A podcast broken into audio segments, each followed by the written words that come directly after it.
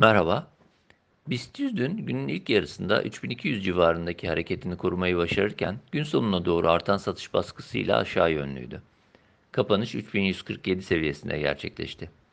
Endekste kısa periyotta takip ettiğimiz direnç bölgesi altındaki harekete bağlı olarak zayıf seyirin geçerli olduğunu belirtmeye devam ediyoruz. BIST'te 3300-3330 seviyesi üzerini kısa periyot için iyimserlik bölgesi olarak değerlendiriyoruz.